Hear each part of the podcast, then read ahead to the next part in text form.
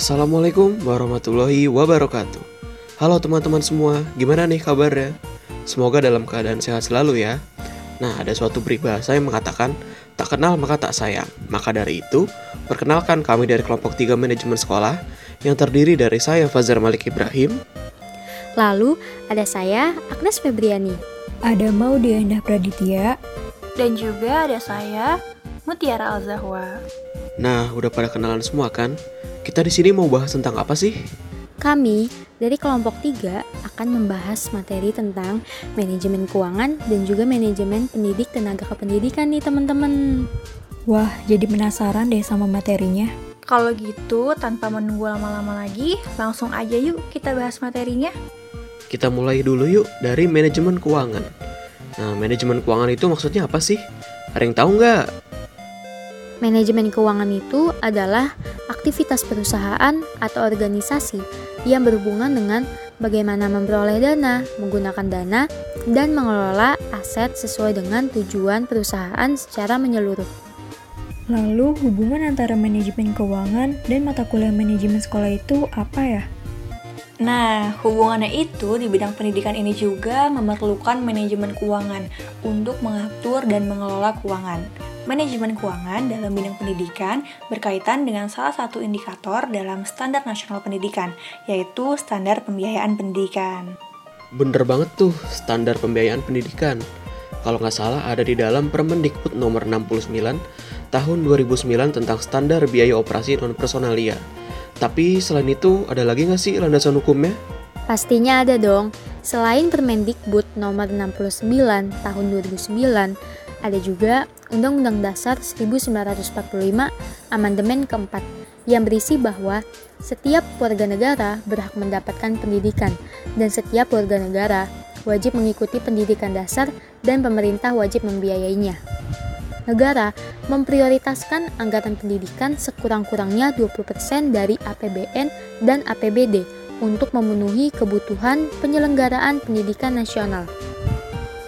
Selain itu, ada juga Undang-Undang Nomor 20 Tahun 2003 Pasal 11 Ayat 2 yang berisi bahwa pemerintah pusat dan pemerintah daerah wajib menjamin tersedianya dana guna tercapainya pendidikan bagi setiap warga negara yang berusia 7 sampai 15 tahun. Dan pada pasal 12 ayat 1 berisi bahwa setiap peserta didik pada setiap satuan pendidikan berhak mendapatkan beasiswa bagi yang berprestasi, yang orang tuanya tidak mampu membiayai pendidikannya, dan mendapatkan biaya pendidikan bagi mereka yang orang tuanya tidak mampu membiayai pendidikannya. Berarti manajemen keuangan yang kita bahas ini gak jauh-jauh dari pembiayaan pendidikan ya. Nah, yang namanya pembiayaan pasti gak jauh dari kata anggaran. Kira-kira anggaran biaya pendidikan ini terdiri dari apa aja sih? Anggaran biaya pendidikan ini terdiri dari dua sisi yang saling berkaitan satu sama lainnya, yaitu sisi anggaran penerimaan dan anggaran pengeluaran. Nah, itu untuk mencapai tujuan-tujuan pendidikan.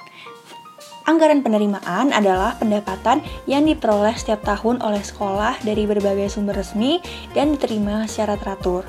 Sedangkan anggaran dasar pengeluaran adalah jumlah uang yang dibelanjakan setiap tahun untuk kepentingan pelaksanaan pendidikan di sekolah.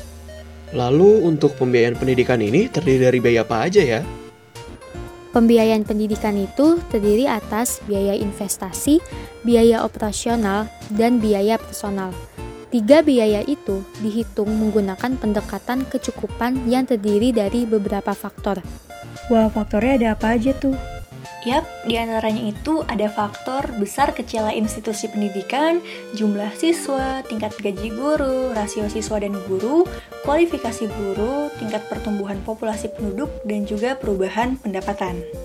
Ngomong-ngomong tentang pembiayaan pendidikan, kita pasti udah, udah pada tahu kan ada yang namanya dana bos. Nah, dana bos ini merupakan dana yang digunakan untuk mendanai belanja non personalia bagi satuan pendidikan dasar dan menengah sebagai pelaksana program wajib belajar dan dapat dimungkinkan untuk mendanai beberapa kegiatan lain sesuai dengan ketentuan peraturan perundang-undangan. Nah, dana BOS ini sudah diatur dalam Permendikbud nomor 6 tahun 2021. Bener banget Zar. Lalu di tahun 2021, pemerintah akan menyalurkan dana BOS ke sekolah-sekolah di Indonesia hingga mencapai 52,5 triliun yang akan dialokasikan ke 216.662 sekolah tingkat SD, SMP, SMA, SMK, hingga SLB. Katanya dana BOS tahun 2021 ini ada sedikit perbedaan ya? Iya mau di untuk dana BOS di tahun 2021 ini nilai satuan BOS 2021 setiap sekolah itu dapat berbeda antar daerah karena dihitung berdasarkan indeks kemahalan konstruksi atau IKK dan juga indeks peserta didik atau IPD di setiap wilayah kabupaten atau kotanya. Selain itu, penyaluran dana BOS di tahun 2021 ini juga berbeda nih dengan tahun 2020. Jika tahun sebelumnya dana disalurkan melalui Dinas Pendidikan Daerah, dan diteruskan ke sekolah. Nah, tahun 2021 ini penyalurannya akan langsung dikirimkan ke rekening sekolah. Nah, regulasi ini dinilai efektif untuk mengurangi terjadinya keterlambatan pengiriman dana ke sekolah-sekolah. Tetapi penyaluran dana BOS ini juga kadang masih terkendala beberapa masalah seperti retur, data rekening sekolah, izin operasional sekolah swasta, status sekolah penerima BOS, dan juga jumlah siswa. Selain kelima permasalahan di atas, Menteri Pendidikan, Kebudayaan, Riset dan Teknologi atau Mendikbudristek, Nadiem Makarim juga mengatakan ada sejumlah masalah yang dihadapi sekolah dalam penggunaan dana BOS, seperti kepala sekolah yang kerap menjadi target intimidasi dari pihak-pihak tertentu yang memaksakan pembelian barang dan jasa dari mereka, sehingga menyalahi aturan yang berujung pada korupsi guna mencegah korupsi dan juga untuk mendukung fleksibilitas penggunaan dana BOS, sekaligus menjaga keamanan transaksi. Nah, Kementerian Pendidikan, Kebudayaan, Riset, dan Teknologi meluncurkan SIPLAH atau Sistem Informasi Pengadaan Sekolah.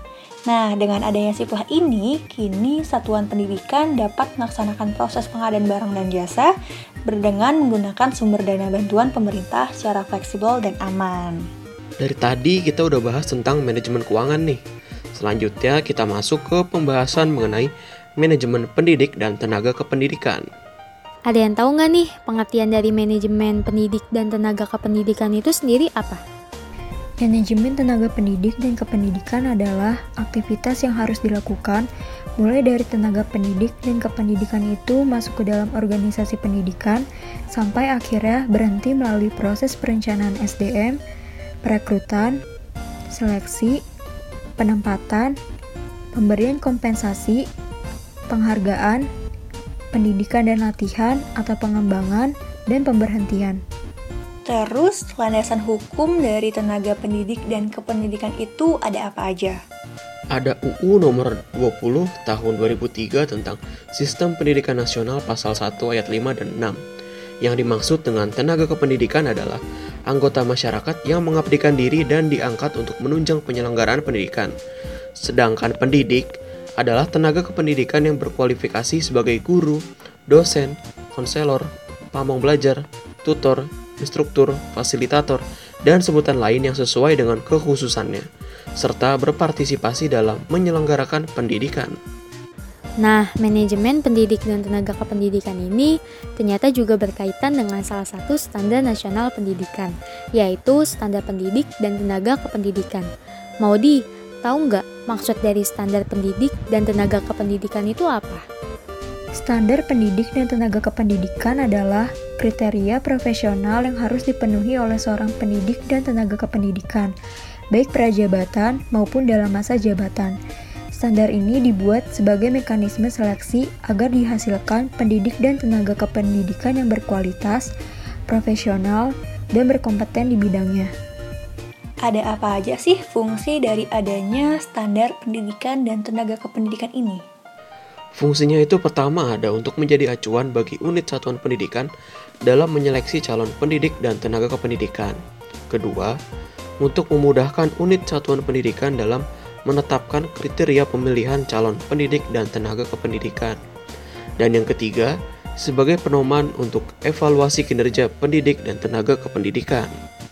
Manajemen pendidik dan tenaga kependidikan ini tentu berhubungan dengan kebutuhan guru untuk menunjang proses pembelajaran.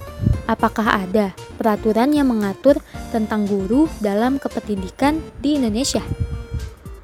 Tentunya ada. Undang-Undang Nomor 14 Tahun 2005 ini menjelaskan mengenai ketentuan-ketentuan guru dan dosen dan kaitannya dalam kependidikan di Indonesia. Dalam undang-undang ini dijelaskan bahwa kedudukan guru dan dosen sebagai tenaga profesional bertujuan untuk melaksanakan sistem pendidikan nasional dan mewujudkan tujuan pendidikan nasional, yaitu berkembangnya potensi peserta didik agar menjadi manusia yang beriman dan bertakwa kepada Tuhan Yang Maha Esa, berakhlak mulia, sehat, berilmu, cakap, kreatif, mandiri, serta menjadi warga negara yang demokratis dan bertanggung jawab. Untuk mencapai kualitas guru yang diharapkan, maka pemerintah mulai melaksanakan program yang dinamakan sertifikasi guru.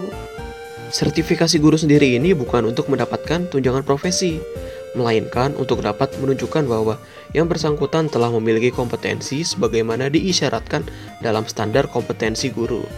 Dengan adanya sertifikasi ini, maka akan memberikan dampak positif yaitu untuk meningkatkan kualitas guru sebagaimana yang telah diharapkan. Tetapi masih ada aja nih permasalahan mengenai guru di Indonesia. Di antaranya tentang ketidakjelasan status guru honorer disebut PNS belum, disebut PPPK atau pegawai pemerintah dengan perjanjian kerja juga belum, ditambah lagi dengan masalah jaminan kesejahteraan guru honorer. Mereka, para guru honorer, biasanya mendapatkan bayaran yang rendah.